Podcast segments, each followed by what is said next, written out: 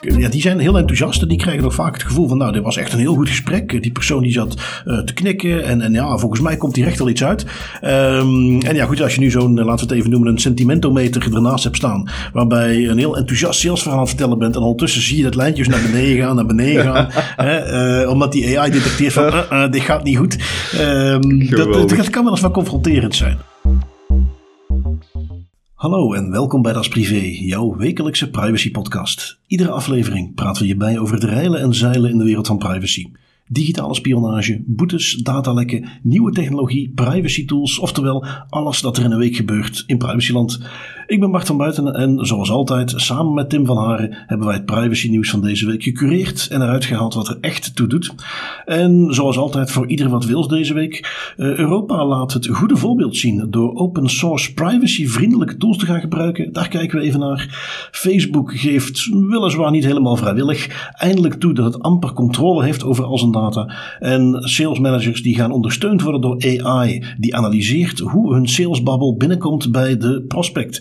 Altijd interessant om te zien hoe ze daarmee omgaan. Verder hebben we drones die locaties doorgeven. Staan we even stil bij Musk en Twitter. Uh, Lidl gaat ook clouddiensten aanbieden. Daar moeten we natuurlijk ook even naar kijken. En we hebben nog een prachtig datalek van eigen bodem bij Autogids. Uh, naast natuurlijk de klassieke autoriteitenactie.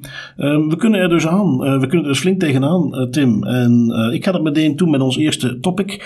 Want ik vond eigenlijk dat Europa daar eh, heel netjes bezig is. De European Data Protection Supervisor, de EDPS, kondigde het aan, zo zag ik het. Um, maar zij gaan nu uh, op een aantal platformen, uh, bijvoorbeeld hun, ja, ze noemen het al steeds microblogging platform. Nou, dat bedoelen ze natuurlijk gewoon Twitter. Um, en een YouTube alternatief met PeerTube. Zij gaan dus gebruik maken van open source technologie om dezelfde functionaliteit aan te bieden. En ik vond het eigenlijk heel erg mooi om te zien. Ja, ik vind, dat, ik vind dat een hele coole, omdat dat is iets waar we het al lang over hebben. Hè, dat we ook iets meer moeten gaan kijken naar Europese alternatieven. En dan komt dat nog van de EDPS. Dus ik vind het, ik ben heel benieuwd of dat, dat ook adopted gaat worden door het brede publiek. Want dat is denk ik altijd de uitdaging hier. We hebben het al heel vaak gezien dat er privacywaardige alternatieven, of privacyvriendelijke eerder alternatieven zijn voor een YouTube, voor een Twitter, Facebook, Instagram, noem het maar op. Maar dat die dan altijd stuiten op het probleem dat ze dus niet genoeg mensen kunnen aan boord brengen op hun platform, omdat er eigenlijk, ja, Waarom zouden ze gaan van YouTube naar, naar PeerTube of van Twitter naar Mastodon? Nu goed, als de EDPS natuurlijk hier iets mee gaat doen en hier een beetje achter zit, kan dat wel eens een verschil maken, denk ik. Ja, absoluut. Uh, ik, ik, moet zeggen, eerst dacht ik toen ik het eerst zag van ah, zij bieden zo'n uh, ja, echt een echt alternatief in de zin van je kunt dus een account aanmaken bij hun Mastodon implementatie, hun Twitter alternatief, bij hun alternatief voor YouTube, PeerTube. Dat is niet het geval. Het is echt wel bedoeld voor hun eigen communicatie. Um, maar neemt niet weg. Ik vind het echt inderdaad een, een goed initiatief. Um, ik, ik heb zelf meteen even gekeken. Mastodon uh, als alternatief voor onze Twitter account. Want ja, das privé zit ook op Twitter. Dat is nu helemaal uh, een goede manier om de boodschap naar buiten te krijgen. Om een beetje bij te blijven met allerlei nieuws. En uh, puur uh, persoonlijke opinie, maar voor mij is het het businessmodel en hoe ze omgaan met data toch nog even iets heel anders dan hoe bijvoorbeeld een Facebook dat doet. Dat gezegd zijnde als Mastodon een beetje kritische massa had, dan zou ik daar met veel plezier ook op gaan zitten. Nu, ik kreeg daarvoor nog een hele leuke tip van eh, Dylan uit onze Das Privé community. Um, iemand die uh, ja, heel erg veel weet van open source tooltjes en alternatieven en hoe je die op kunt zetten. En die gaf dus een tip van ja, je kunt wel een soort bridge gebruiken. Dat is een, een tooltje waarmee je eigenlijk op Mastodon dan het alternatief al dingen kunt posten. En dus in die zin qua gebruik van je gegevens de privacyvoordelen al hebt. Maar die stuurt het vervolgens ook automatisch door naar Twitter. Zodat je op die manier, het is nu helemaal voorlopig nog wel het kanaal, de boodschap wel naar buiten kunt krijgen. Dus dat vond ik een goede, heb ik ook meteen opgezet. En, en ja, goed, dus eh, zo zitten wij ook eh, op Mastodon en, en proberen we dat ook een beetje mee te sturen. Um, PeerTube, ik zit al een hele tijd te denken, maar goed, dat is iets waar ook de tijd voor moet zijn om af en toe eens een videootje op te nemen over een of ander onderwerpje uh, rond privacy. Um, maar ja, en, en, dan met de duidelijk idee om dat niet te gaan publiceren op YouTube.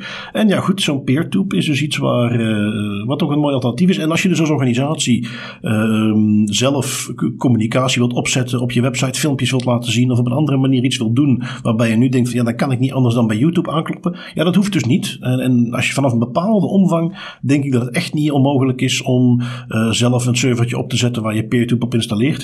Um, en ja, dus dat, dat vond ik gewoon een beetje samen te vatten, vond ik dus een heel leuk om eens een keer te zien dat toch een entiteit zo groot als de Europese instellingen, dat die daar heel bewust nu op inzetten om, om dat soort uh, open source technologie te gebruiken. En in die zin uh, een beetje talk the talk, walk the walk toepassen door nu ook dat soort tools effectief voor het brede publiek te laten zien. Ja, en het is ook een, het is een heel mooi voorbeeld voor andere overheidsinstellingen om op die manier, op een privacyvriendelijke manier, ook te gaan communiceren naar burgers toe. Hè? Want dat is iets, dat is een omstreden onderwerp, dat ook bijvoorbeeld in Noorwegen, wat, als ik me niet vergis, waren daar ook al uitspraken over van de toezichthouder daar, van bijvoorbeeld gemeenten en overheidsinstellingen die gebruik maken van Facebook, van een Twitter, van een YouTube voor het publiceren van hun informatie naar burgers toe. En dat dat eigenlijk wel een probleem is, want als je dan informatie wilt vergaren over een overheidsinstelling of over gemeente of de activiteiten die ze uitvoeren en zo en, de zaken die ze aankondigen, dan heb je eigenlijk weinig keuze dan terug naar een privacy-invasief platform gaan. Dus daar ook, dat, dat is een heel mooi voorbeeld eigenlijk voor al die instellingen, om ook daarvan misschien naast gewoon de gebruikelijke platformen gebruik te gaan maken van een PeerTube en een Mastodon, zodat mensen tenminste een keuze hebben. Ja, ja helemaal mee eens. Helemaal mee eens. En uh, dan zit je te kijken naar ja, wat zou het alternatief voor Facebook kunnen zijn. Nu, ik, ik, weet niet of dat over een tijdje nog nodig is. Want na even weg geweest te zijn uit de Das Privé podcast, zijn ze nu weer terug with a vengeance. Um, interne documenten die kennelijk schijnen aan te tonen dat ze geen benul hebben wat er eigenlijk allemaal met hun gegevens gebeurt. En dat niet onder controle hebben. Uh, jij hebt hem uh, bekeken, Tim. Waar, waar, was er precies aan de hand? Hoe komt het naar buiten? Ja, Facebook doet once again een oepsie. Um, er zijn documenten gelekt van Facebook's advertentie- en business product team. Dat kun je eigenlijk een beetje vergelijken met de, de, de motor van Facebook's groei. Daar komt het meeste van het geld vandaan. En die uh, intern aan de alarmbel trekken in die documenten. En ik wil het eigenlijk aftrappen met gewoon een quote uit dat document als volgende. We do not have an adequate level of control and explainability over how our systems use data and thus we can't confidently make controlled policy changes or external commitments such as we will not use X data for Y purpose. Waar het eigenlijk, als je dat simpelweg moet vertalen, op neerkomt, is wij hebben absoluut geen benul van waar dat onze data allemaal zit en door wie dat die gebruikt wordt. En wij kunnen dus ook op geen enkele manier, realistisch gezien, beloftes maken over dat we bepaalde data niet meer gaan gebruiken voor een bepaald doeleinde, of net wel voor een bepaald doeleinde, dat we daar afbakingen in gaan maken. Hè. Waar het eigenlijk op neerkomt, het, de bron van het probleem die ook beschreven staat in die gelekte documenten van het advertentieteam, is dat Facebook werkt al meer dan een decennium lang met een, een wat dat zij noemen een open data cultuur. En ze omschrijven die cultuur met een, wat ik zelf een hele goede analogie vind. Uh, je moet je even een inktpot inbeelden die, waarin verschillende soorten data zit. En wat Facebook eigenlijk doet, is ze gieten die inktpot met al die verschillende soorten data, first party, third party data, uh, gevoelige persoonsgegevens, gewone persoonsgegevens, geen persoonsgegevens. Zij gieten die inktpot met al die verschillende soorten data, gieten ze uit in een meer. Een heel groot, heel groot meer. Wat dat, zij hun, wat dat dan hun open datacultuur moet voorstellen. En die data, ja, die vloeit overal naartoe. Dat is ook gewoon water. Hè. Dat is inkt, dat, dat vloeit overal naartoe in dat meer. En de uitdaging is dan van, ja, hoe ga je dan op een bepaald moment, als bijvoorbeeld een wetgeving dat vereist dat je bepaalde data op een betere manier gaat controleren, hoe ga je dan die inkt die je net over heel je data meer hebt uitgestrooid, hoe ga je die terug in je potje krijgen? Of hoe ga je ervoor zorgen dat de inkt maar naar een bepaald deel van het meer gaat vloeien dat beveiligd is en het andere deel van het meer niet? Dat is een beetje de vergelijking die zij hier maken van wij hebben onze data in het rond gestrooid, echt, letterlijk. En we hebben nu absoluut geen zicht meer op waar dat die data allemaal zit en door wie dat die gebruikt wordt. Samengevat toont dat eigenlijk heel mooi aan, is het eigenlijk een, een schuldbekentenis waarin Facebook simpelweg zegt van ja, de data en de manier hoe dat we daarmee omgaan is totaal in strijd met de huidige en toekomstige regelgeving. En om het nog erger te maken, zijn ze ook gewoon technisch niet in staat om daar iets concreet aan te veranderen en ervoor te zorgen dat ze wel in de toekomst in lijn zijn met de wetgeving. Facebook's ja, gigantische datahonger, zeg maar, vraatzucht, is nu momenteel een uit de hand gelopen monster dat oncontroleerbaar is geworden, zelfs voor Facebook. Ja, en ik vind het een hele mooie analogie, zoals het meegaven van ja, we hebben met dat inkpotje uitgestrooid en die, die loopt overal maar heen en iedereen maakt er gebruik van. Uh, en eigenlijk in, in diezelfde analogie, als ze dan echt dat willen oplossen, is het een hele simpele manier. Ja, dan moet je dat meer even droogleggen en opnieuw beginnen. Um, Maar dat gaat natuurlijk volledig in tegen het businessmodel. En dan kom je tot de kern van het probleem. En dat is, dat ontwijken ze dan een beetje. Maar het probleem is niet zozeer dat die data zover verspreid is. En dat die nergens meer tegen te houden is. Dat kan altijd. Het echte probleem is dat vanuit het management van Facebook men dat eigenlijk ook gewoon niet wilt. En dat is natuurlijk waar het stopt. En dat is waar je ook ziet dat dit niet zozeer nu een probleem is wat ze dan stiekem intern ook onderkennen. Maar dat het ook een probleem is wat binnen Facebook nooit opgelost kan worden. Omdat inherent ingaat tegen alles wat zij eigenlijk doen en willen doen.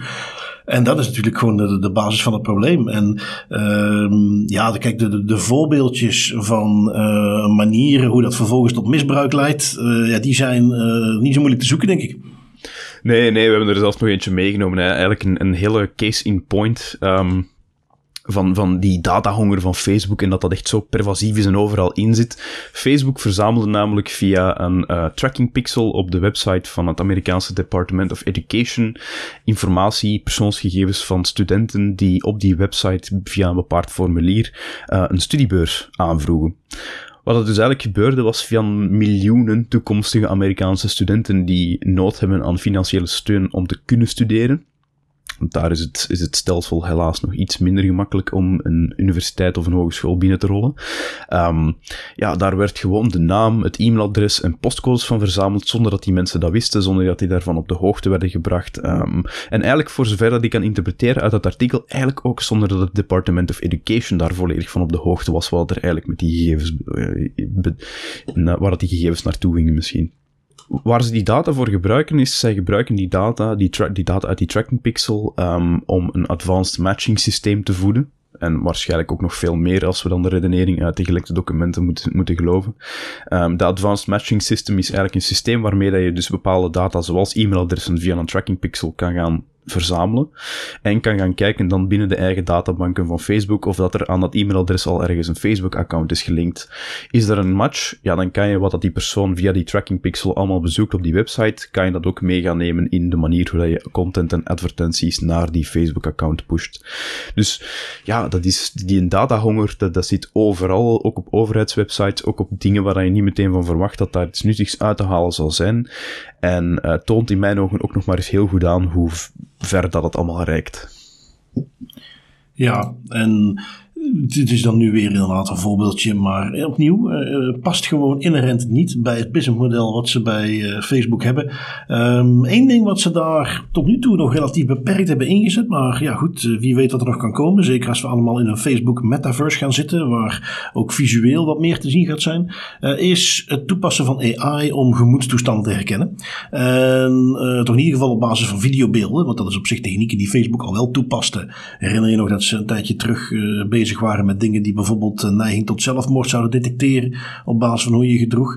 Wel, pak dat nog een stapje verder. En ga ook vooral kijken naar videobeelden. En dat is het artikeltje wat ik heb meegenomen van de website protocol.com.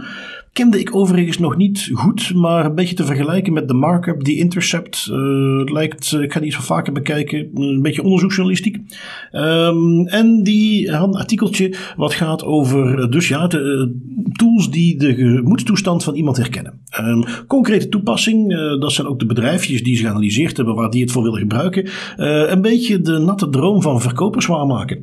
AI gaat namelijk als zij salesgesprekken hebben, op het moment dat zij bijvoorbeeld wat tegen er heel veel gebeurd is en wat denk ik ook echt wel gaat blijven. Uh, een call hebben via video. Die gaat uh, in real time, je bent het gesprek aan het hebben en dan in het beeld van het video daarnaast wordt te zien wat het sentiment is van degene met wie je aan het praten bent. een voorbeeldje wat ze geven is dat hij bijvoorbeeld gaat detecteren van ah kijk, iemand is aan het luisteren naar hoe jij over features aan het praten bent en vervolgens komt de prijs naar voren en meteen zakt het sentiment naar beneden. Um, dat soort voorbeeldjes wat ze geven.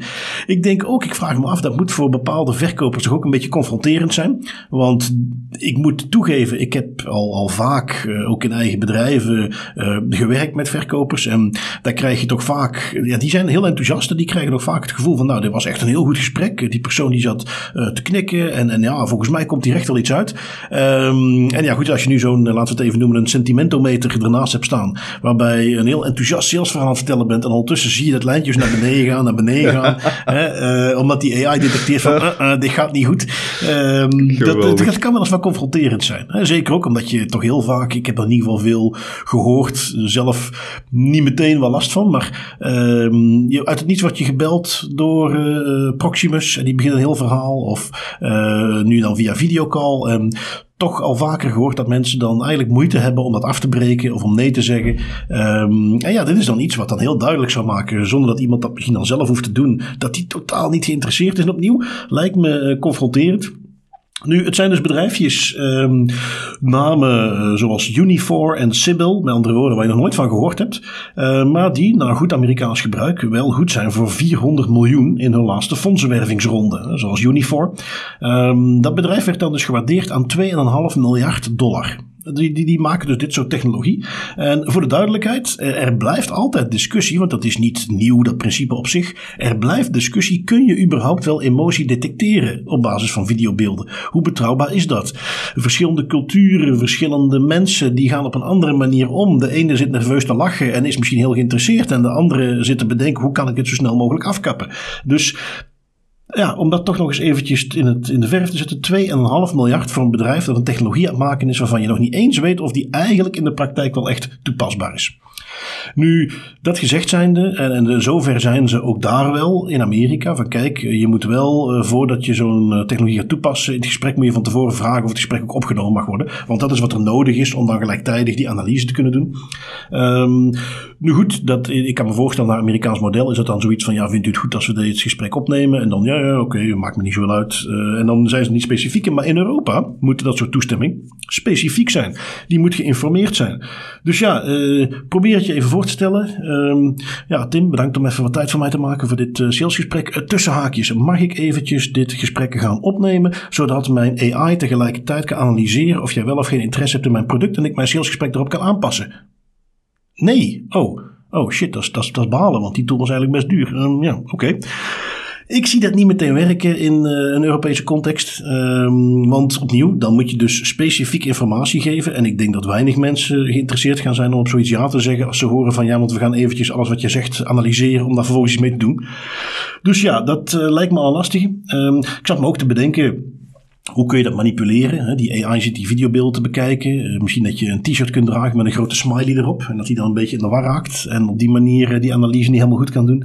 Um, de andere variant van die technologie die ik nog even wil meenemen is uh, dat je die ook Zoom bijvoorbeeld, ja, dat is geen kleine speler. Die hebben dan een variant die noemen ze IQ for Sales. En die willen ze gaan inzetten om na het gesprek nog sentiment analysis en dat soort dingen te gaan doen. Schrijven ze ook het gesprek uit, gaan ze nog eens die analyse doen. Um, en ja, goed, dus dat is iets wat er toch kennelijk echt al aan zit te komen. Um, ik noem maar iets, als bedrijven daar 400 miljoen voor willen gaan betalen, dan gaat er toch wel iets mee gebeuren. Um, nou, interessant om te zien en, en, en natuurlijk vooral benieuwd naar hoe gaat men dat dan vertalen naar een Europese context, waarbij dit soort dingen eigenlijk überhaupt dan niet kunnen. Dat is ook de, de grote vraag die ik mij hier vooral stelde. Je hebt hem zelf ook al gesteld van ja, kan een AI dat eigenlijk wel, hè, die gemoedstoestand accuraat analyseren? Want dat, dat, dat een AI tot een, tot een conclusie kan komen dat iemand bijvoorbeeld boos is of blij, ja, dat, daar, daar ben ik zeker van dat een AI dat kan. Maar dan moet het ook nog accuraat zijn en een goede weerspiegeling zijn van de realiteit waar dat die persoon op dat moment in zit. En dat is de uitdaging, want dat is iets dat we al heel vaak hebben gezien in deze podcast, is dat als het aankomt op artificiële intelligentie, op gezichtsherkenning, op analyses met machine learning, dat er dat het wel eens uitdagender blijkt dan dat men eerst denkt als het aankomt op het herkennen van mensen, op het herkennen van menselijke emoties, en het identificeren van de juiste zaken binnen een menselijk gezicht bijvoorbeeld. Dus dat is iets, ik ja, ik, ik, weet het niet. Tenzij dat men hier nu plotseling, je weet het nooit, hè, gigantische stappen gaat maken in die technologie en ervoor gaat zorgen dat dat feilloos werkt, ben ik, blijf ik daar heel sceptisch over. En inderdaad, het voorbeeld dat je geeft van die t-shirt met uw smiley op. Ik zie hier um, onze geliefde Barbiepop ook nog wel eens een guest appearance maken. Oh hè, ja, juist, die juist, Eerst met de Instagram-lens of wat was het, die, die filter kunnen manipuleren. Wel, ze zet gewoon een Barbiepop voor uw webcam en het is ook in orde. Ja, ja, ja. Kijken of die salespersoon dan een vloeiende gesprek heeft. Ja, en ze geven nog een ander voorbeeldje in het, het artikel uh, dat ze die technologie ook willen gaan inzetten voor bijvoorbeeld, of nee, sorry, nu al inzetten in helpdesk contexten, uh, waar dan er ook zo'n analyse plaatsvindt op bijvoorbeeld telefoongesprekken. En dan geven ze het voorbeeldje dat je dan bijvoorbeeld feedback zou krijgen van die tool, frustratie gedetecteerd, toon empathie. nu, daar lijkt me er eentje waar ik op zich het wel aandurf dat je het ook zonder AI wel mee kunt geven. Als ik net een helpdesk heb gebeld, zit ik al in een bepaalde situatie. Als ik dan vervolgens het menu heb doorgelopen, ben ik al redelijk gefrustreerd. En als ik dan vervolgens nog eens 15 minuten, als ik geluk heb, in de wacht heb gehangen, uh, heb je geen AI nodig om mij vervolgens te gaan vertellen als je die aan de lijn krijgt, dan is die persoon geïrriteerd. Dus uh, ze zullen met betere, uh, complexere voorbeelden moeten komen om de toegevoegde waarde dan ook nog eens te gaan onderbouwen. Um, maar ja, opnieuw, dat is uiteindelijk wat we ook hier proberen te doen. Het zit er dus aan te komen. Het is weer iets nieuws wat ze gaan doen en waar we kunnen opvolgen in hoeverre dat, dat ook effectief straks zijn weg in uh, Zoom calls en andere standaard dingen die we doen. Um, Wat een nog even om daarop in te pikken, hè, maar wat een dystopische zin ook. Frustratie gedetecteerd, toon empathie. Kan het nog klinischer en kouder dan dat? Dat is, dat is toch echt heel contradictorisch met wat ze willen bereiken, hè? dat je meer een, een, empathisch en sociaal gesprek hebt met je klanten. En dan ga je dat zo ja, koud en, en processed maken. Dat is echt... Ja, en je weet waar dat dan heen gaat. Hè? En ik, ik zie het al helemaal voor me, hoe ik dan opbel. Ik hang daar al aan de lijn, super gefrustreerd. En dan komt zo'n helpdesk-medewerker. Hmm, ja, meneer Van Buiten, ik merk dat u gefrustreerd gefrustreerd bent. Um, ja, ik, ik, ik, ik, ik voel me nu mee. Het, spijt me, ik kan het toch niet wat beter doen. En dat je dat dan, hoe dat dan opgepikt wordt, hoe je dan op reageert, ik, ik denk niet dat het beter gaat maken. Nee, dat gaat zo gewoon heel geforceerd overkomen, inderdaad. Ja, precies. Ja, nee, inderdaad. Um, wat heb ik nog meegenomen? Dat was uh, van The Intercept. Um, is eigenlijk al van een tijdje geleden. Uh, van ergens vorig jaar. Maar ik vond hem zo dystopisch dat ik dacht, die moet ik toch nog even meenemen. Um, als we het hebben over een, een hellend vlak, om die nog eens een keer mee te nemen. Dit gaat uh, in Amerika toch wel heel erg ver. waar gaat het over? Orange County in Californië. Die kwam, ja, kwam naar buiten dat die een nieuwe techniek toepaste om hun DNA-database vol te krijgen. Die hebben dus in de context van strafrechtelijk onderzoek hebben zij dus wetgeving die het veel makkelijker maakt dan hier om daar een DNA-database van aan te gaan leggen. Um, ze bedrijven een situatie uh, waarbij, ja, zo moet je het je echt ongeveer voorstellen. Uh, stel je loopt rond in je gemeente, je bent je hond aan het, uitlaten. Um, ja, zoals het dan gebeurt, dat beestje legt een stevige keutel op de openbare weg en je hebt eigenlijk helemaal geen zin om die op te gaan ruimen. Dus je laat die lekker liggen, je loopt door. Een ambtenaar, een gasambtenaar, die ziet dat legt de boete op, um, zegt van ja, dit was zo heftig, daarvoor moet je naar de rechter komen. En je komt in de rechtbank en voordat men begint, wordt er even omgeroepen, ja, tussen haakjes, mensen met deze en deze en deze overtreding, uh, jullie kunnen nu of uh, de zaak door laten gaan, de boete gaan betalen, of jullie kunnen even mee naar buiten lopen, DNA afstaan en dan moet je even 100 euro betalen voor de verwerking daarvan, maar is de zaak voor de rest afgesloten. Um, dat is letterlijk de premisse die ze in Orange County voorlegden aan een heel aantal mensen. Um, jaren geleden heeft men daar dus uh, wetgeving wat aangepast die het mogelijk maakte om die DNA op die manier te gaan uh, verzamelen. En uh, het artikel beschrijft dan hoe er dus effectief rechtszaken zijn waar hele op het oog simpele overtredingen ehm, dan wel degelijk tot bij de rechter komen. En waar men dan dus de optie heeft om of DNA af te staan of de zaak door te moeten lopen en een fikse boete te krijgen. Ze hebben er zelfs een term voor, spit en acquit. Met andere woorden, geef even wat spuug af en dan word je vervolgens onschuldig verklaard. Um, en ja, je ziet ook hoe, hoe, hoe krom dat is qua incentive. Hè? Als het, uh, men staat er dan in zo'n rechtszaak. Uh, ja, waarschijnlijk zullen daar toch ook wel regelmatig mensen staan die het financieel wat minder makkelijk hebben. En dan zit je dus eigenlijk in een situatie dat je bijna geforceerd wordt uh, om die geldboete te ontlopen, om dan DNA af te staan. Hoe verkeerd kun je het hebben? Um, het is ook iets waar ze nu ondertussen wel mee bezig zijn om te gaan kijken, is dat iets waar we nog van moeten blijven doen? Um, maar maar uh, ja, ik, vond het een hele interessante. En opnieuw, het is, het is al een jaartje geleden. Maar uh, dermate uh, fout en, en 1984 qua insteek dat ik hem toch nog even mee wil nemen. Dat is, dat is echt zoiets dat toch alleen maar in Amerika kan voorkomen, hè, jongens.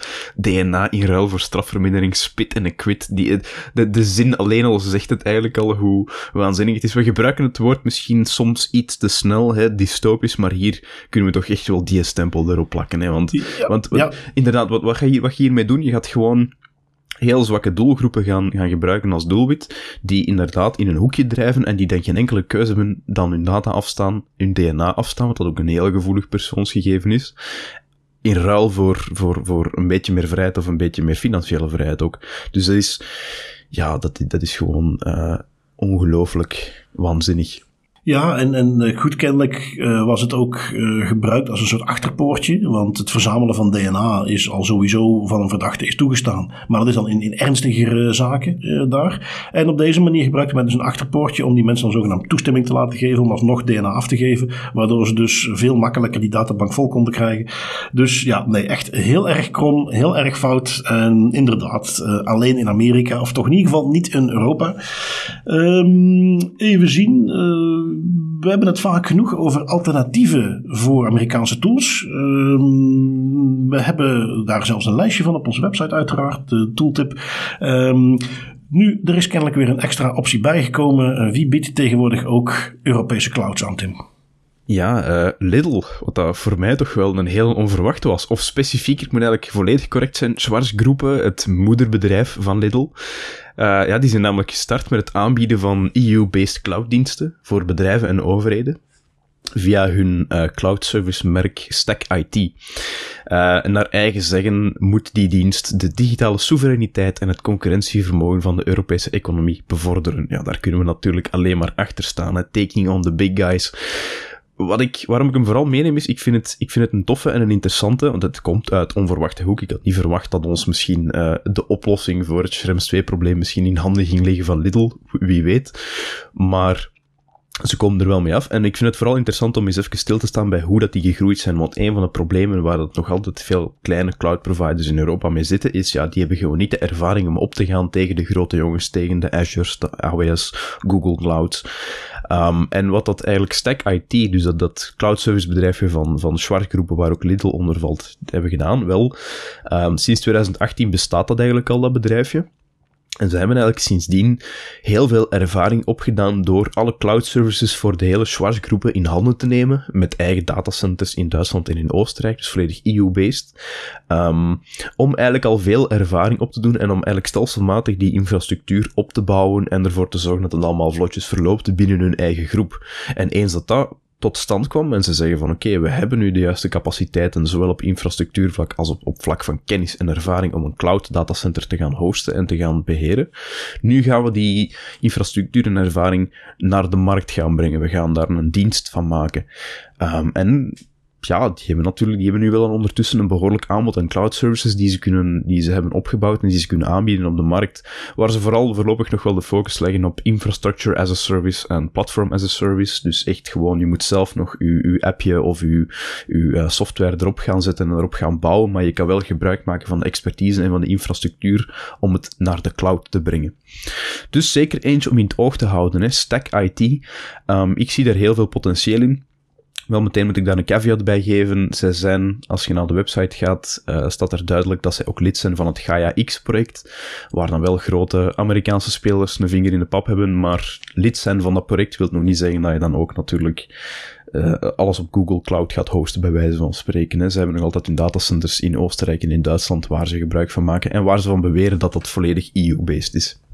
Ja, en kijk, Gaia X, dat hebben we al eens eerder voorbij laten komen. Eh, oorspronkelijk een Europees initiatief om, om meer Europese cloud aanbod te kunnen geven. Maar is ondertussen verworden tot een praatgroepje wat gedomineerd wordt door de grote spelers. En waar ze misschien met een soort eh, labelsysteem vandaan gaan komen. Maar waar het zeer de vraag is of daar ooit een echt cloud aanbod uit gaat komen.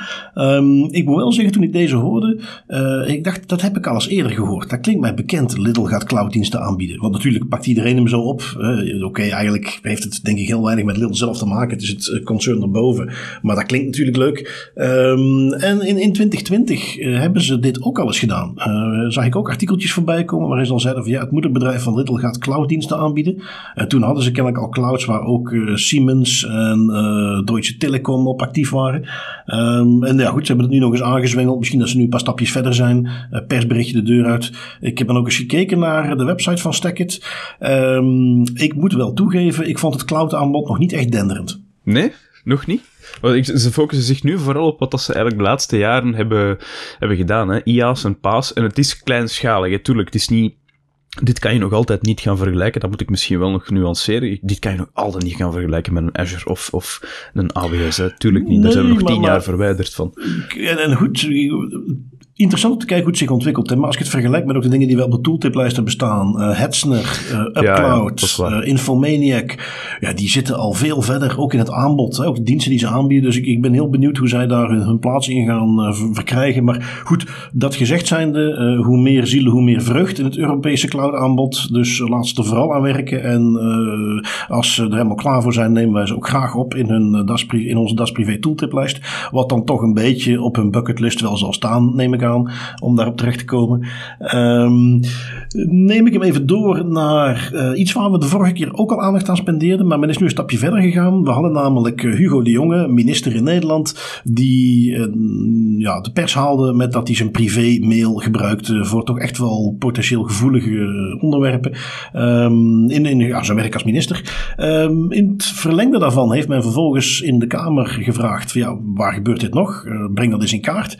Um, heeft de relevante minister, Bruins Slot, heeft dan, dan uh, ja, gepubliceerd, heeft er nu informatie over gegeven. En daar komt in feite gewoon uit dat het merendeel van de bewindspersonen uh, soms privé-tools gebruikt uh, voor het werk. Um, dat varieert van het relatief onschuldige van ja, ik ben net minister of bewindspersoon geworden en ik heb een invite die ik nog op een privéadres kreeg, heb ik doorgezien naar mijn werkmail. Ja, daar denk ik dat niet veel mensen een probleem mee hebben. Het grote verschil is daar dat er iets dat binnenkomt via privé um, en wat dan ook per definitie een bepaalde gevoeligheid mist. In plaats van dit komt binnen als formeel stuk in je in je minister mailbox. Uh, maar ook de andere varianten van ja, mailtjes doorsturen uh, naar privé mailadressen, documentjes die uitgeprint moeten worden. Dingen waarvan je denkt, en, het staat er gewoon op die manier, zonder daar eigenlijk veel, veel context naast. Maar als ik dat hoor, ja, ik moest iets uitprinten, dus ik stuurde het door een privé-e-mail. Ja, dit is niet een klein KMO'tje wat een printerstuk was. Hè. Dit is een ministerie. Dit is mensen die krijgen uh, tools aangeleverd, die krijgen de laptops, die krijgen de telefoons en iets moeten uitprinten. Ja, ik denk uh, in deze tijden moet je toch ook gewoon even je scherm open kunnen klappen en daar lezen wat je moet lezen. En als je dan echt iets uit moet printen, dan denk ik dat mensen eerder het omgekeerde doen. Dat doe je graag op je werk, want ja, dan hoef je het niet privé te betalen. Dus ik vond dat ten eerste heel erg slap en ten tweede toch een beetje schrijnend dat dat kennelijk echt nog zo klassiek is. De vorige keer lanceerden we hem al. Ik ga dat deze keer nog eens doen en, en misschien wat uitgebreider proberen te doen. Uh, indexeer dit ook maar eens in België. Indexeer het ook maar eens in Vlaanderen, want volgens mij uh, gaat dat ook wel hetzelfde effect hebben en dezelfde dezelfde uitkomst hebben. En dat is toch een stukje awareness wat ze moeten voorkomen. We zitten aan de ene kant bezig over hoe we moeten nadenken of we onze overheidsgegevens wel in Amerikaanse clouds willen stoppen. En daar is heel veel discussie over. En tegelijkertijd heb je dan mensen die op de achterkant hun mailtjes gewoon zitten te versturen via hun privé mailbox. Ja, als we het dan hebben over prioriteiten, um, dan moet dat toch ook even aangepakt worden, zou ik denken. Ja, en het een is, een, is aanzienlijk makkelijker om op te lossen dan het andere en vindt zijn oorsprong gewoon in, ja, wat ik niet anders kan omschrijven dan een beetje digitale luiheid. Hè? Van, je m'en en het is gemakkelijk, ik ga het gewoon even snel via mijn persoonlijke e-mail doen, in plaats van netjes via de mooi beveiligde persoon, professionele e-mailaccount en alles wat eraan hangt. Want daarmee creëer je echt ik denk dat mensen dat nog altijd onderschatten, maar je creëert er gigantisch veel risico's mee. Datalekken, mensen die je e-mails en je logins gewoon kunnen overnemen omdat het op een of andere onbeveiligde desktop of laptop staat die je persoonlijk gebruikt en waar je van alles op zwiert, waar men niet van weet wat dat doet. Dus ja, dat is, dus, dus onbegrijpelijk dat de anno 2022 nog altijd zo vaak voorkomt. En dat we eigenlijk nu zien, omdat één iemand daarmee, uh, ja, ik kan dat niet anders omschrijven, dan betrapt is en dat er mee naar buiten moest komen, dat we nu een vloedgolf zien aan mensen die ook zoiets hebben van, oh shit, ja, ik doe dat eigenlijk ook, dus ik zal het maar snel niet meer doen. Dus misschien dat we dat, als we dat in België ooit eens voor hebben, dat er bijvoorbeeld een Bart Wever of zo ook uh, naar buiten komt van, ah ja, ik gebruik ook mijn persoonlijk e-mailadres, dat we hier ook zo een tsunami zien aan politiekers die hetzelfde zeggen die ja, hetzelfde moeten zeggen. Dat, dat zou me absoluut niet verbazen als dat het geval is. Uh, het is in ieder geval uh, beter uh, dan je politieke bedenkingen kant-en-klaar op Twitter te gooien. Wat we natuurlijk in Amerikaanse context vaak genoeg gezien hebben. Dus het kan altijd erger. Ehm, nu goed, mocht je als politicus dan toch die behoefte hebben, is het even interessant om na te gaan denken of je dat in de toekomst nog steeds wilt doen. Of je dat nog steeds kunt doen. Want er veranderen heel wat dingen bij Twitter. jij hebt hem meegenomen. natuurlijk ja, eigenlijk in de media niet te ontsnappen eh, het feit dat Elon Musk ehm, ja, Twitter gaat overnemen. Dat, dat lijkt nu toch echt in kannen en kruiken. Um, in ieder geval de bron die jij ervoor hebt meegenomen, Tim. Want er zit ook een, kantje aan naar, naar beveiliging, naar privacy toe. Uh, wat viel er vanuit die hoek over te zeggen? Ja, het is, uh, ja, Twitter stond een klein beetje in brand deze week, denk ik. Met de aankondiging dat Elon Musk het, het platform gewoon heeft overgekocht voor 44 miljard dollar. Um, en dat hij dus de nieuwe baas van Twitter zal gaan spelen, met ook een nieuwe visie waarin enkele interessante punten vervat zitten. Um, en inderdaad, een van die punten die hij aanhaalt in zijn visie, maar dan moet ik er meteen wel bij geven als caveat van Elon Musk zijn visie durft wel eens heel snel te veranderen. Het is niet de meest stabiele gast. Um, maar een van zijn punten van zijn visie is, hij wil Twitter een meer open platform maken langs de ene kant. Hij wil de algoritmes die Twitter gebruikt om bepaalde content te pushen, wil hij transparanter maken, wil hij eigenlijk openbaren, wat dat ik een heel mooi initiatief vind. Um, maar ook een interessante is, hij wil end-to-end encryptie gaan toepassen op Twitter direct messages, op de DM's. want nu worden al die berichten nog uh, gescand voor verschillende redenen, voor het eruit halen van gevaarlijke content. Uh, en worden ze, als men bijvoorbeeld gevaarlijke content detecteert, of content waar men verwacht dat dat gevaarlijk van is, of tegen de wet ingaat, worden die berichten ook nog manueel door Twitter-medewerkers gereviewd bij problemen en worden ze doorgegeven aan autoriteiten als die autoriteit dat opvraagt. Dus je ziet al, je voelt al aan, die Twitter-berichten, die zijn eigenlijk helemaal niet veilig. En daar zijn nog altijd wel wat gaten in en wat zaken die ervoor kunnen zorgen dat dat misschien misbruikt kan worden. Dat wil hij gaan oplossen door daar end-to-end encryptie op te gaan toepassen. Is trouwens niks nieuws. Um, Twitter was daar in, ik denk 2013 al mee aan het spelen. Met het idee om end-to-end encryptie te gaan toepassen op hun Twitter DM's. Maar ze hebben dat dan langzaamaan toch van afgestapt van het idee. Dat is nu, dus dat wordt terug opgepakt. Dus ja, um, dat Elon Musk Twitter heeft overgenomen, de meningen zijn daar zeer hard over verdeeld of dat, een positieve of een negatieve evolutie, evolutie is. En daar ga ik mij voorlopig nog niet over uitspreken, omdat we gewoon nog in een te vroeg stadium zijn om te zien waar het naartoe gaat gaan. Maar hij heeft dus wel klaarblijkelijk een hele interessante visie op het platform en op hoe het platform gerund moet worden. En dat is wel interessant natuurlijk om mee te nemen. Ja, en uh, wat ik er ook interessant aan vond, uh, hoe hij dan altijd zo aanhaalt rond uh, content moderation. Hè, hoe gaan we modereren wat er allemaal aan content komt? Ja, maar free speech, dat moet eigenlijk zo vrij mogelijk zijn. En dan moest ik even terugdenken aan een, een, een tweetje wat ik ja, volgens mij zelfs vandaag nog las van Floor Terra. Toch echt wel in privacykring ook al een, vrij bekende. En die heeft natuurlijk ook een Mastodon-account, ehm, zoals wij die ook hebben aangemaakt. Dus op dat open source alternatief voor Twitter. Wat natuurlijk met die aankondiging van Musk hebben die ineens een gigantische groei meegemaakt. Met honderdduizenden tegelijk stapten er toch een aantal mensen over naar Mastodon. Of laat ik het goed zeggen, maakte in ieder geval een account aan op Mastodon. Hè. Daar zit nog wel wat tussen. Um, maar hij gaf een heel treffend voorbeeldje, vond ik wel. Van, ja, als ik nu eventjes in mijn uh, local feed kijk op Mastodon, dan zit daar allerlei rotzooi tussen. Zoals zelfs gewoon kant-en-klare porno, waar ik totaal niet op zit te wachten. En dat is een kant die we misschien even vergeten als je een platform helemaal niet gaat modereren. Of zoals uh, Musk het een beetje insinueert, veel meer vrij gaat geven dat iedereen maar gewoon kan roepen en zeggen wat hij wilt. We vergeten even hoeveel bagger er eigenlijk uit onze fiets gehaald wordt. En los van het algoritmische en het beïnvloeden en noem maar op. Er zit ook een hele kant aan waarin uh, er ontzettend veel bagger verdwijnt die wij niet hoeven te zien. Want uh, ik weet bijvoorbeeld op Twitter uh, kun je ook dat soort streams gaan vinden. Er zijn ook mensen die daar allerlei, laten we zeggen, visueel zeer openlijke beeldjes tentoonspreiden. Maar die zie ik ook nooit voorbij komen. Daar zou je echt naar op zoek moeten gaan. Want dat, dat men detecteert, ja, dat is duidelijk niet hetgene waar jij naar op zoek bent als je Twitter gebruikt. Dus ik, ik zie dat überhaupt niet. Maar er is een hele, laten we zeggen, subdomein van Twitter waar je dat soort dingen kunt terugvinden. En dus ja, in Mastodon, daar, ontbreekt die moderatie. Um, door de manier waarop het opgezet is, decentraal, vraag ik me zelfs af op wat voor manier ze dat zouden kunnen gaan afdwingen, al zouden ze het willen. Um, dat is de andere kant van het verhaal. Uh, dus ja, dat vond ik ook wel interessant. Uh, al, moet ik meteen erbij zeggen, ik, ik, vroeg me wel af, ik heb ook een Mastodon, ik heb daar ook een, een, ja, een feed. Maar misschien omdat ik daar pas uh, met das privé-account heel recent op zit. Maar daar gebeurt niet heel veel. Want aan de andere kant zou ik verwachten, ik zie alleen maar dingen in mijn feed van mensen die ik volg. En, en op het moment dat ik zie dat iemand uh, die ik volg uh, dat soort ranzige plaatjes zit te posten, dan ga ik die heel erg snel ontvolgen. En zou je denken, dan is het probleem toch opgelost. Maar goed, we zullen zien. Want uh, Musk gaat binnenkort dan daar wat dingen doorvoeren, neem ik aan. En dan gaan we eens kunnen kijken wat voor complexe dingen ineens naar boven komen die al die tijd wel op de achtergrond gebeurden. En waar Trump, of, Musk niet bij stilstond. Um, in mijn hoofd zit ik dus iedere keer door de war te halen met Trump. Hè. Je hoorde het net al kort even. Ze zijn allemaal een beetje gek, hè? Ja, beginnen steeds dichter naar elkaar te groeien op sommige vlakken, zou je denken.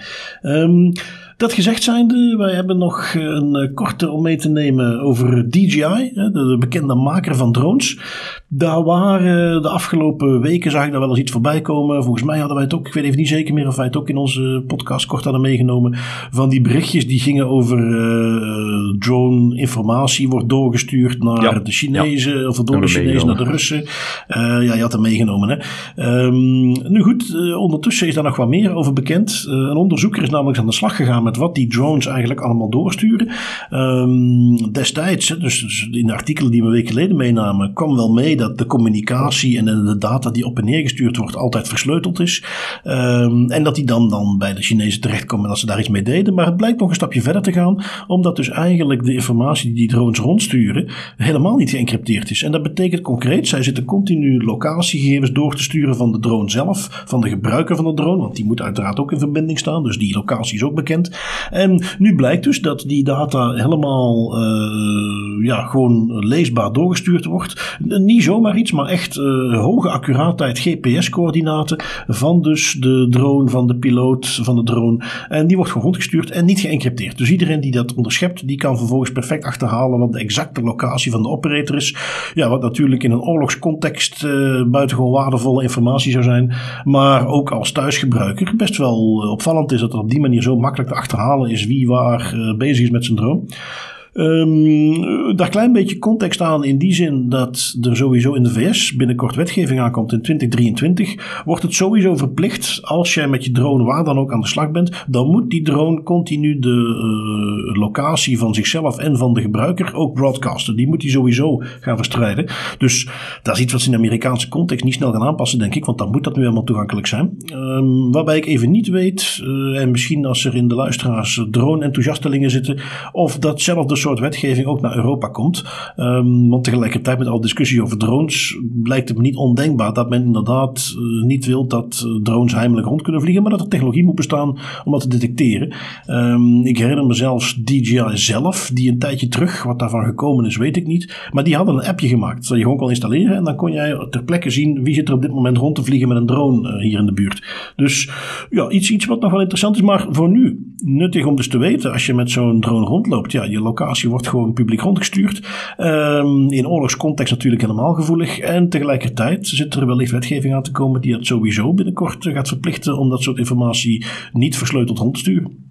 Ja, en aangezien het gewoon over open data gaat, cleartext die niet geëncrypteerd is, lijkt het me ook heel gemakkelijk om die data te gaan onderscheppen en zo. Dus te achterhalen waar dan een piloot of de homepoint van een drone zich bevindt. En dat is, dat is iets wat ik altijd... Ik vind dat heel... Um, mooi en nobel dat men hier heel veel zaken richting Oekraïne stuurt om die mensen te steunen in hun, in hun uh, defensie van hun land.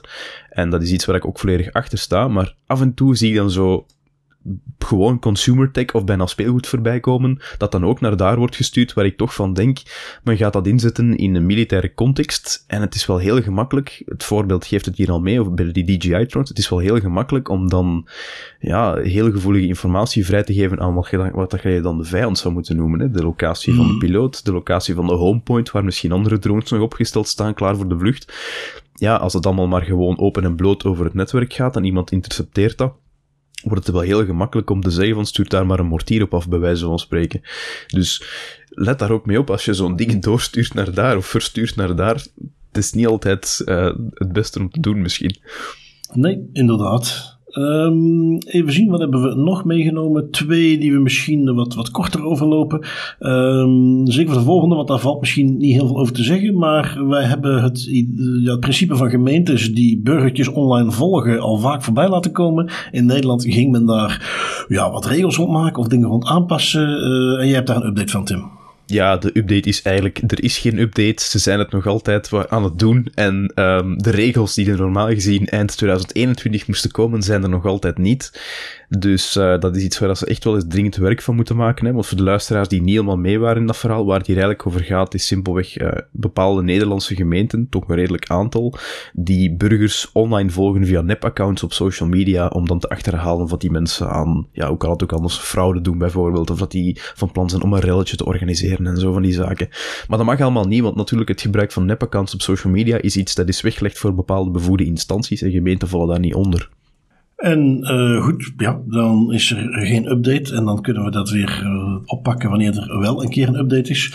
Um, wat hebben we nog? Ja, een beetje in lijn dan van diensten die wel dat soort dingen mogen doen. Um, in Nederland is er een toezichtsorgaan, de TIP, die heeft zijn jaarrapport gepubliceerd. En ja, wat ik daar opvallend aan vond, um, we hebben het al een paar keer gehad over die nieuwe wetgeving die in Nederland komt voor inlichtingendiensten, waarbij wij ook wel eens aangehaald hebben van ja, Goh, tot nu toe schijnen ze toch redelijk goed te doen. En, en als ze nu aantoonbaar meer behoefte hebben aan, aan, aan wat meer dingen kunnen inzetten, die misschien wat later getoetst worden, dan is dat iets wat ze dan misschien maar eens moeten overwegen. Um, en dan zie je zo'n toezichtsrapportje als dit voorbij komen, waarin ze eigenlijk aangeven van ja, uh, die gaan al heel erg ver op dit moment. Uh, als we het hebben over het beoordelen van tapoperaties, het zijn er op dit moment al meer dan 3000, waarvan wij toch uh, meer dan een vijftigtal moesten zeggen van nee, dat kan niet door de beugel. en, en ja, goed, puur qua aantal dat is dus al waar we het over hebben. Dus uh, zoveel vrijheid heeft men dan toch al.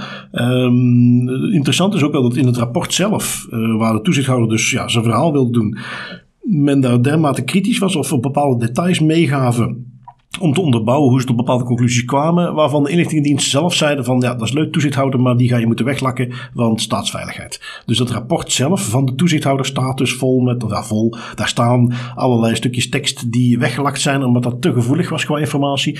Um, een ander dingetje wat uh, bijvoorbeeld aan naar buiten kwam, is dat de diensten dus gehackt hebben met zero days, oftewel kwetsbaarheden die op dat moment nog niet bekend zijn uh, voor het brede publiek en de leverancier van de tool die ze aan het hacken zijn. De bedoeling daarbij is altijd dat je, als je dat toch doet, op die manier gebruik maken van dat soort tools om te hacken, dat het met de grootste voorzichtigheid gebeurt. Uh, omdat het misschien neveneffecten kan hebben, omdat een andere dienst van het buitenland dat kan zien en die kan die tools dan gaan misbruiken, of zelfs gewoon een hacker. Dus dat men dat met de grootste voorzichtigheid doet. En dat is nu de tip, de, de commissie bespreekt. Van ja, we hebben daar een aantal voorbeelden van gezien, waarin dat, dat uh, absoluut niet op de goede manier gebeurde, waarin dat, dat ook niet gebeurde via geëncrypteerde kanalen, waardoor dus gewoon uh, te zien was wat er gebeurde en waar er gebruik van gemaakt werd. Dus ja, dan krijg je dit dan voorbij, waarbij ik dan ineens weer moet denken van, god, misschien moeten we die extra bevoegdheden van een inlichtingendienst nog maar eventjes niet doen, want het gaat nu al niet zo goed. En dat vond ik dan toch weer opvallend. Vooral die... Uh die en over die zero days die dan in clear text ergens te vinden zijn, vind ik toch wel een hele schrijnende. Want dat is toch echt iets in de security community.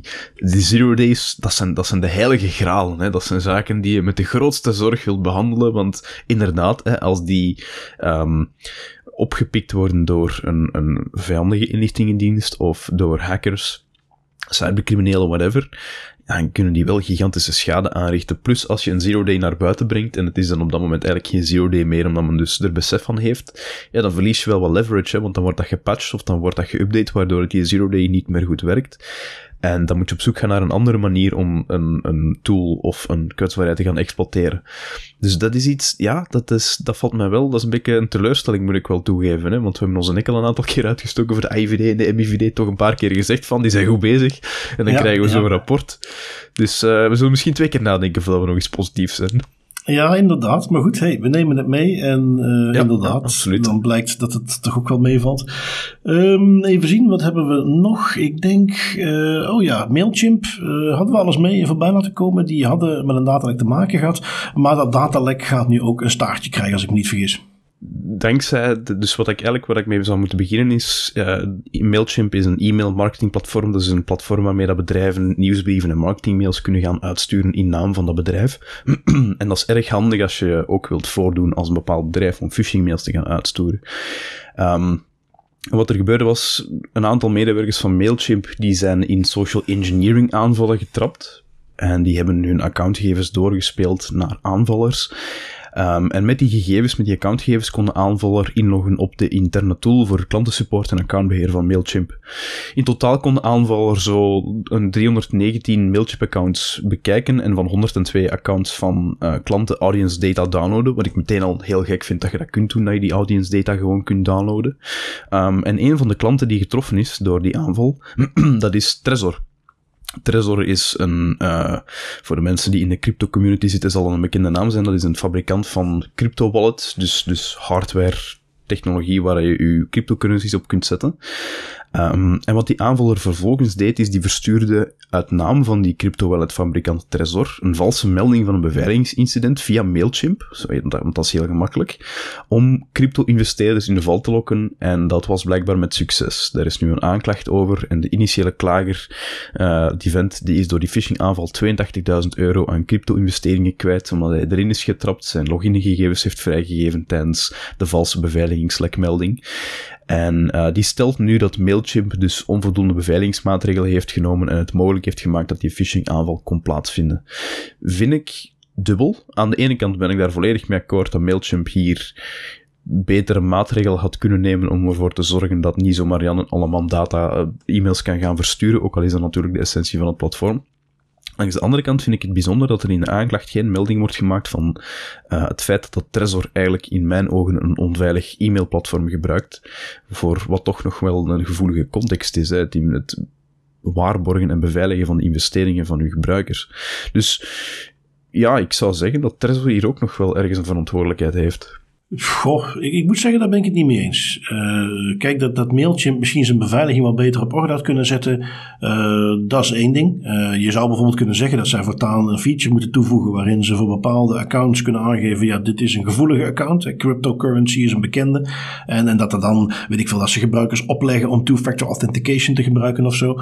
Um, maar goed, zij zijn dus gehackt. Ja, wat Mailchimp is nu al Mailchimp. Wat kun je doen als je daar eenmaal toegang hebt tot een account? Ja, dan kun je daar alle e-mailadressen uithalen. En vervolgens vervolgens is het eerder gewoon slim van de hackers, vond ik, dat zij dus effectief op zoek gingen naar uh, cryptocurrency uh, bedrijven. Want Trezor is er eentje, maar ze hebben dus echt specifiek op die bedrijven gezocht. Want uh, Mailchimp heeft tienduizenden accounts. En als ze dan helemaal toegang hadden tot die accounts, hebben ze specifiek ingezoomd op de crypto exchanges. Daar hebben ze de e-mailadressen uitgehaald. En ze zijn die mensen vervolgens gaan fishen. In die zin dat ze precies weten bij welke crypto exchange zit jij. Omdat ze nu helemaal wisten welke klantenaccount het was. En ze zijn die gaan mailen. Niet per se via Mailchimp zelf. Ze zijn die gewoon gaan mailen. Um, en op die manier hebben ze mensen in de phishing gelokt. Uh, Trezor, denk ik dat hier weinig te verwijten valt. Zij hebben nu helemaal een nieuwsbrief en die gebruiken ze. Um, en ik vraag me ook af of deze zaak überhaupt een kans maakt als puntje bij paaltje komt. Want wat is hetgene wat effectief leidt tot uh, dat jouw crypto gehackt wordt? Ja, dat is dat je in de phishing mail trapt. En dat je vervolgens niet alleen de phishing mail, want met een phishing mailtje we zijn er nog geen munten over gestuurd, maar vervolgens acties bent gaan doen, zoals codes doorgeven, die ertoe leiden dat men jouw crypto coins kon stelen. Dus behalve dat je ergens wel snapt, als Mailchimp niet gehackt was, dan hadden ze in ieder geval niet zo makkelijk of zo snel aan die e-mailadressen kunnen komen. Maar of dat het een hack had voorkomen is een grote tweede. En of je dan kunt zeggen dat het feit dat die mensen toch echt zelf in die phishing mail trappen en daar vervolgens op ingaan, of dat iets is wat je Mailchimp kunt verwijten, ik denk het niet. Hmm, Oké, ja. Dat is, een, dat is een heel interessant en goed argument, denk ik. Het enige wat ik zo nog een beetje over struikel is van ja, Mailchimp staat nu ook niet bekend als de meest veilige uh, beheerder van, van uw e-mails en van uw nieuwsbrieven. En dat is iets waar je misschien wel kan zeggen van ja, Trezor had misschien een veiliger platform kunnen gebruiken, maar in any case, dat kan je eigenlijk altijd zeggen. Dat is eigenlijk wel waar. Dus ja, we zullen zien of dat dit nog een staartje krijgt. Hè. Ja, ja, absoluut. Interessant om op te volgen. En uh, inderdaad, een leuke intro voor het hoofdstukje over onze datalekken. Yes. Um, we hebben er nog eens een keer eentje van eigen bodem. Um, Autogids had te maken met een datalek. En wat dat betreft volgt AutoGids hier een beetje het klassieke patroon van hoe moeten we niet omgaan met zo'n datalek. Um, wat is hier een beetje de timeline? Uh, zij worden een tijd geleden gecontacteerd door een ethische hacker, kennelijk iemand uh, gevestigd in Pakistan, uh, om maar aan te geven als iemand die uit Pakistan een beetje het internet afscant tegen jouw kwetsbaarheid aanloopt, dan kan die niet zo heel goed verborgen zijn geweest. En die vindt dus een kwetsbaarheid waardoor die toegang kan krijgen tot de accountgegevens van een 600.000-tal accounts op autogids.be en de, de, de, de valse variant daarvan. Die stuurt een mailtje uh, in de, de communicatie daar rond, na de rand. Die verscheen op Twitter. Zie je ook screenshotjes van dat mailtje. En dat is echt een mailtje in de zin van: Goh, ik heb bij jullie een kwetsbaarheid gevonden. Uh, ik ben een ethische hacker. Ik vind vaker dit soort dingen. Uh, ik ben redelijk bekend. Je kunt hier linkjes zien naar artikelen in de pers waarin ik alles genoemd ben. Dus wat dat betreft, een beetje ego was hem niet vreemd. Maar dat geeft meteen maar aan. Dat was echt gewoon een melding om aan te geven: jullie hebben een kwetsbaarheid. Wie weet dat hij misschien had gehoopt op een beloning of zo. Maar daar stond in ieder geval duidelijk niks van in het mailtje zelf. Um, en goed, die doet dat, hoort niks. Um, op een gegeven moment via een journalist, um, die ook heeft meegeschreven het artikeltje eh, bij het, laatste nieuws en, die volgens mij zelf voor VTM werkt. In ieder geval, die uh, komt er ook achter, die stuurt ook een bericht naar uh, Autogids, hoort er ook niks op, uh, ziet wel dat zijn LinkedIn profiel ineens geraadpleegd wordt door een advocaat uit Brussel. Uh, net na het versturen van dat mailtje. Waarbij je dus al merkt dat Autogids op dat moment ook weer in de klassieke kramp schiet als er een datalek gemeld wordt. Nou, we gaan ze helemaal kapot aanklagen en daarmee verdwijnt dan ons datalek of zo. Nu goed, horen uiteindelijk niets. Maar wat verschijnt er wel ineens uh, via mail en, en op de website van Autogids een berichtje over dat ze met een datalek te maken hebben gehad. Um, of nou ja, ik moet eigenlijk goed zeggen, het was eerder een soort mailtje met uh, een berichtje dat er mogelijk een datalek is geweest. En om wat concreet te maken, want ik moet zeggen, toen ik dat las, dacht ik van wat is dit voor woordkots? Um, de tekst die ze gebruiken is, op dit ogenblik hebben wij nog geen weet dat er onrechtmatig gebruik zou zijn gemaakt van eventuele gestolen gegevens, maar we willen u via deze weg niettemin preventief op de hoogte brengen van de situatie. Dus als je dat even bekijkt, men zegt van ja, de gegevens zijn misschien gestolen, dat weten we niet. En ja, van die gegevens waarvan we niet weten of ze gestolen zijn, hebben we in ieder geval geen weet dat ze misbruikt zijn. Nee, allicht niet, want je weet niet eens of ze gestolen zijn. En desalniettemin, ondanks al die onwaarschijnlijkheden, gaan we u toch even op de hoogte brengen. Ja, je proeft meteen. Hier heeft een advocaat even gekeken, hoe kan ik dit gaan omschrijven? En natuurlijk is er een datalek. Toen wist ik, toen ik dit, want dit werd volgens mij zelfs gemeld door iemand in de Das Privé Community. Toen ik dit las, wist ik nog niet eens dat er een maand geleden al een melding was geweest door een ethische hacker. Um, waarbij men dus nu, en, en, ik denk dat men daarom die voorwaardelijke dingen gebruikt. Ze zijn dan de vent die dat kan melden, maar even gaan omschrijven als ja, we zijn gehackt. Maar we weten niet of die iets met de gegevens gedaan heeft. Um, maar wat ik hier natuurlijk helemaal niet zie staan en waarom dat al die, die uh, eventueel, mogelijk, potentieel niet eens nodig zijn. Dit is een ethische hacker uit Pakistan die jouw kwetsbaarheid vond en die het je meldt. Wie weet hoeveel honderden andere hackers er al geweest zijn de laatste jaren die wel toegang hebben gehad en die die data wel eruit gehaald hebben. Dus op het moment dat jij zo'n melding krijgt en het staat op die manier open, dan moet jij gewoon aannemen we zijn gehackt. En al die omvloerste mogelijk eventueel en zo moet je gewoon weglaten. Dan moet je gewoon keihard met de billen bloot gaan accepteren. We zijn erbij. Um, het, uh, wat het ergens voor mij nog een beetje erger maakte, is uh, degene die het in de Das Privé Community had gepost, die gaf ook nog aan van ja, en ik moet nog toegeven, dit vind ik eigenlijk niet eens zo'n slechte mail. Want ik heb al andere datalekken voorbij zien komen, zoals allekabels.nl. En dat was nog veel erger. Dus toen ik dit in eerste instantie zag, dacht ik eigenlijk nog van, oh, dat valt nog reuze mee. Um, ja, pas als je dan even goed gaat kijken, valt dat natuurlijk uiteindelijk wel nog tegen. Maar zo uh, weinig zijn we gewend qua transparante meldingen, uh, dat men dat dus hier al eigenlijk als positief ervaarde. En ja, ik, ik blijf erbij, we hameren daar hier continu op. En, en dat blijft maar kennelijk zo moeilijk te zijn. Ten eerste, als iemand met jou met zo'n melding komt, ga die niet kapot maken of negeren. Maar wees dankbaar dat iemand je dat komt melden en ga daarop in. En ten tweede, communiceer toch eens gewoon transparant. Vertel toch eens gewoon wat er gebeurd is. Als je weet dat er 600.000 accounts zo uh, op te rapen zijn, ga er dan maar gewoon vanuit dat je gehackt bent en dat er al ergens er een keer uitgehaald is. En ga dan niet door een jurist een tekstje laten schrijven. Laat dat eens een keer doen door de CISO. Laat degene die het incident afhandelen, laat die dat tekstje eens een keer schrijven. Haal dan vervolgens misschien de taalfouten eruit en publiceer dat. He, dat, dat. Dat is het enige wat nodig is. Daar hoeft dan vervolgens niet helemaal juridisch gereviewd te worden. Want dat is wat er vaak gebeurt. Ik heb dat zelf ook al meegemaakt dan heb ik als DPO een tekstje geschreven en dan gaat het vervolgens naar legal. Die daar vervolgens alles aan transparantie het liefste uit willen slopen. Want ja, dan zou er wel eens aangeklaagd kunnen worden. Ja, kijk, we hebben een datalek. Dat komt toch wel naar buiten. We kunnen toch wel aangeklaagd worden. We kunnen maar net zo goed zo transparant mogelijk zijn. Uh, en dat blijft een uitdaging. En tot zover mijn rant over de datalek. Dus kort deze terechte rant, by the way, wel samengevat. Laat geen advocaten los op uw data breach uh, response systeem. Betrek ze erbij als het nodig is, maar zorg inderdaad ook dat je een aantal mensen erbij betrekt die wel comfortabel zijn met het idee van af en toe eens een beetje transparantie. Want de woordkots van AutoGids is inderdaad uh, is een heel mooi voorbeeld van hoe dat je het absoluut niet moet aanpakken. Nee, precies, precies.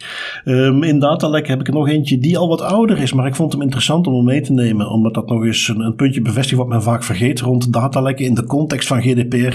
Um, de, uh, het agentschap Telecom in Nederland die publiceerde hun jaarbericht van 2021 en daar verwezen ze naar een datalek, of in ieder geval een, een uitval bij een zorginstelling, waardoor zij de patiëntendossiers urenlang niet konden raadplegen. De clouddienst die zij gebruikten was slachtoffer van een DOS-aanval, wat betekent dat de diensten onbereikbaar waren.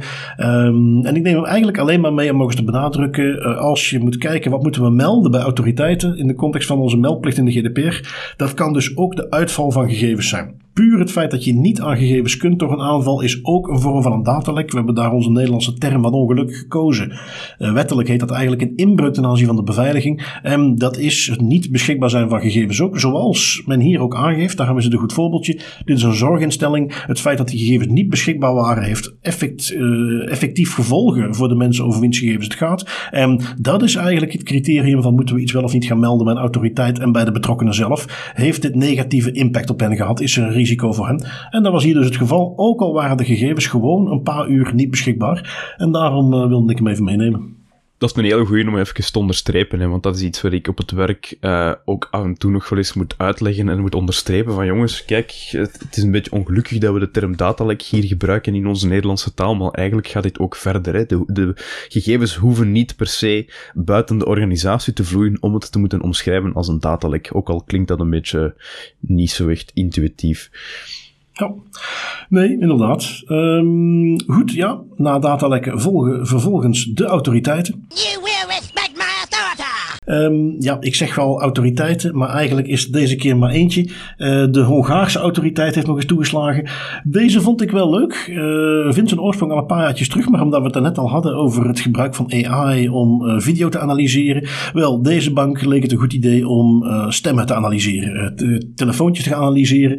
waarbij zij dus op de klantendienst telefoontjes niet alleen opnamen voor trainingsdoeleinden en bewijsmateriaal, zoals we vaak horen als we wel eens een keer naar een, een desk bellen, zoals bij de bank.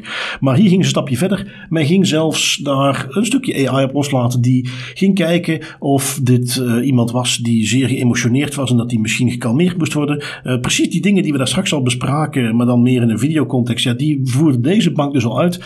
En ja, je voelt hem al komen. Uh, daar waren daar, ze waren niet transparant over. ze hadden zelf een Data Protection Impact Assessment gedaan, een DPIA. de resultaten daarvan hadden ze naast zich neergelegd. dus daar kwam uit, er is een hoog risico in, hadden ze genegeerd. Hun verdere analyses volgens de Hongaarse autoriteit waren niet voldoende.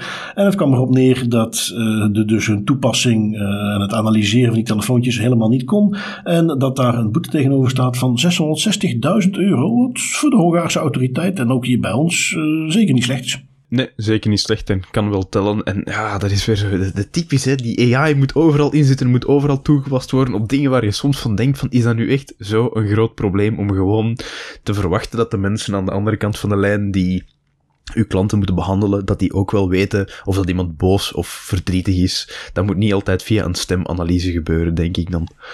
Nee, en als je dat toch wel doet, zul je er transparant over moeten zijn. En zul je in veel gevallen gewoon toestemming moeten vragen, die je natuurlijk niet gaat krijgen. Dus nee, dit was op heel veel manieren, werkte dit niet. En ja, een beetje een case study voor die bedrijven die we daar straks van noemden. Om even te kijken, als je dit in Europa wilt gaan doen, wel, dan uh, mag je deze case er even naast leggen. Um, dus ja, dat vond ik een interessante. Uh, en ja, ook een autoriteit die je niet iedere dag hoort. Dus in die zin ook extra leuk. Um, en voor de rest was het een, een rustig weekje in uh, autoriteitenland. En dat geeft ons de gelegenheid om over te gaan naar onze privacy pointers. Wat heb jij meegenomen? Uh, ik heb deze keer iets meegenomen van Google. Oh, ja, kijk, wat, wat, heeft Google voor iets goed gedaan? Wel, ja, als het goed is mag het natuurlijk wel gezegd worden, ook bij Google. Um, ze hebben vrij recent een nieuwe policy geïmplementeerd waarin, dat waarin dat ze eigenlijk de mogelijkheid vanaf nu bieden om bepaalde persoonsgegevens, of wat dat zij personally identifiable information, dat is wat meer de Amerikaanse term, um, te gaan verwijderen uit de zoekfunctie van Google. Dus je kan onder bepaalde omstandigheden, en ik moet zeggen dat die nog wel relatief ruim zijn, kan jij bijvoorbeeld uw naam, uw adres, uw e-mailadres, contactgegevens, etc., uh, foto's van reisdocumenten, foto's van paspoorten en zo, kan je dat uit de zoekfilter, de, de indexering van Google gaan halen via een bepaald formulier dat we ook in de show notes zullen zetten. Um, ik heb het ook al eens gedaan en ik wacht nu nog op een bevestiging van Google van of dat ze akkoord gaan met mijn vraag om bepaalde gegevens te verwijderen uit de zoekfilter. Moet ik wel meteen bijzeggen, hè, dat is een belangrijke nuance om te maken, maar als Google akkoord gaat met uw uh, request om iets bepaald te verwijderen uit de indexering, dan wil dat niet zeggen dat die gegevens ook effectief weg zijn van de websites waar het op staat of van de hosting waar het op staat. Dat wil dat alleen zeggen dat Google dat niet meer gaat aanbieden via hun zoekmachine. Dat is nog wel een belangrijke nuancering om mee te geven. Ja, maar, maar, ergens komt dat tegenwoordig, en dat is nou net waarom er zoveel druk op Google wordt gelegd om daar iets aan te gaan doen. Dat komt tegenwoordig op hetzelfde neer. Hè? Iedereen googelt. Uh, je weet meestal niet exact welke website het is. Um, nu, ik, ik, ik moet eigenlijk toegeven, uh, ik had dit ergens voorbij zien komen um, in een artikeltje dat eigenlijk niet helemaal goed gelezen. En dus ik heb daar ook uh, vanuit onze Das Privé Twitter-account iets van in de wereld gezet van ja, maar je moet toch eens nadenken, hoe komen ze eigenlijk aan die gegevens? Want ik dacht dat het ging om bepaalde gegevens die Google zelf had. Maar het gaat dus gewoon om zoekresultaten waar die gegevens in ja. zitten. En ja, hoe komt Google eraan? Ja, uh, Bart, dat is een businessmodel. Ze indexeren dingen. Zo komen ze eraan. Um, en dat ze dus de gelegenheid bieden om dat weg te laten halen. Uh, waarschijnlijk, want eigenlijk bestaat het al. Hè? Je hebt al heel lang, al jaren de gelegenheid om aan Google te vragen om bepaalde zoekresultaten niet weer te geven. Maar als ik me niet vergis, hebben ze dus hier iets specifieker gemaakt. Dat bepaalde zoekresultaten nog wel getoond kunnen worden, maar dat vervolgens bepaalde gevoelige gegevens eruit worden gehaald. Um, ja, en ze, hebben het, ze hebben het uitgebreid. Ja, ze hebben het uitgebreid naar andere types informatie. Dus ook gewoon uw naam, uw e-mailadres en zo kan, zit er nu ook in. Ja, dat is het. Dat is het. En ik heb eventjes zelf ook test gedaan bij dat formuliertje. Uh, gewoon om even te kijken, omdat ik ergens vermoedde van ja, en op welk moment gaan ze dan een kopie van mijn identiteitskaart vragen voor ik hem kan indienen. Uh, maar dat is niet het geval. Daar ben ik niet tegen aangelopen. Ik heb mijn draft niet helemaal verstuurd uiteindelijk, maar zat er ook niet in. Dus nee, uh, als het goed is moeten we het zeggen. Hier valt denk ik weinig op aan te merken. dit is gewoon een verbetering. Um, nu goed, dan moeten we natuurlijk wel een beetje counterbalance geven. We kunnen niet altijd positief zijn over Google. Dus uh, ik heb iets meegenomen wat iets heel anders is. Uh, wel degelijk privacy gerelateerd, maar het is een, een, uh, strip. of, of als we het tegenwoordig goed moeten zeggen, een graphic novel. Um, waar gaat dat over? jaren geleden, in 2008, maakte iemand, een zekere Scott McCloud, die maakte een, een comic over Chrome. Daar had hij samen met het team van Google had hij dat gemaakt. En die, want voor de duidelijkheid, toen werd Chrome gelanceerd. Hè, is al met al nog geen uh, eh, 13 jaar geleden of 14 jaar geleden, uh, werd Chrome gelanceerd. En toen hadden ze dus een comicje gemaakt waarin ze uitlegden hoe die werkte. Nou, nu heeft iemand daar een soort parodie op gemaakt, uh, die erop ingaat ja, hoe Chrome je privacy op alle manieren schendt. En in dezelfde stijl van die originele comic heeft hij dus nu een nieuwe gemaakt. Um, ja, daarover lopen ze op wat voor manieren, wat voor trucjes Chrome allemaal uithaalt. hoe het feit dat jij in de, de zoekbalk in een Chrome browser, als je daar iets intikt, dat zelfs al voordat je op enter hebt geduwd, die gegevens al doorgestuurd worden hoe dat ding is opgebouwd. En dat vond ik een heel leuke en een, eigenlijk tegelijk ook een, leuke toegankelijke manier om wat meer info te krijgen over hoe die browser in elkaar zit. Um, link in de show notes is gewoon een pdfje uiteindelijk. En uh, ja, vond ik een heel leuk om eens een keer mee te nemen. Ja, dat is tof. En ik wist eigenlijk, ik moet dat eigenlijk bijna schaamtelijk gaan toegeven, maar ik wist zelfs niet dat er een originele comic was over Chrome en dat dit een parodie was op die comic. Ik, die kende de comic Contra Chrome wel al. Ik vind een hele goede comic, zeker een aanrader. Dus nu ga ik die twee wel eens naast elkaar leggen en eens kijken waar dat ze lijken op elkaar. Ja, nou, heel erg. Um, ah, dat vond ik een uh, leuk om mee te geven. En uh, ja, dan zit het er voor deze week op, Tim. Uh, ik denk dat wij gaan afkloppen op onder de uur en tien minuten. Dus dan gaan we er alweer een beetje op vooruit. Hè. We proberen het toegankelijk te houden. Zelfs maar... dat privé gaat niet ontsnappen aan het hellend vlak. Vroeger was het een uur, nu is het al een uur en tien Juist. minuten. Juist. maar goed, al met al vond ik dus weer een hele leuke. Luisteraars, ik hoop dat jullie dat ook vonden. Laat het ons zeker weten als dat zo was. Of als het niet zo was. Tim, jij ook weer bedankt voor je tijd deze week. En dan zie ik jou volgende week weer. En onze luisteraars ook. Met heel veel plezier en tot volgende week. Tot volgende week.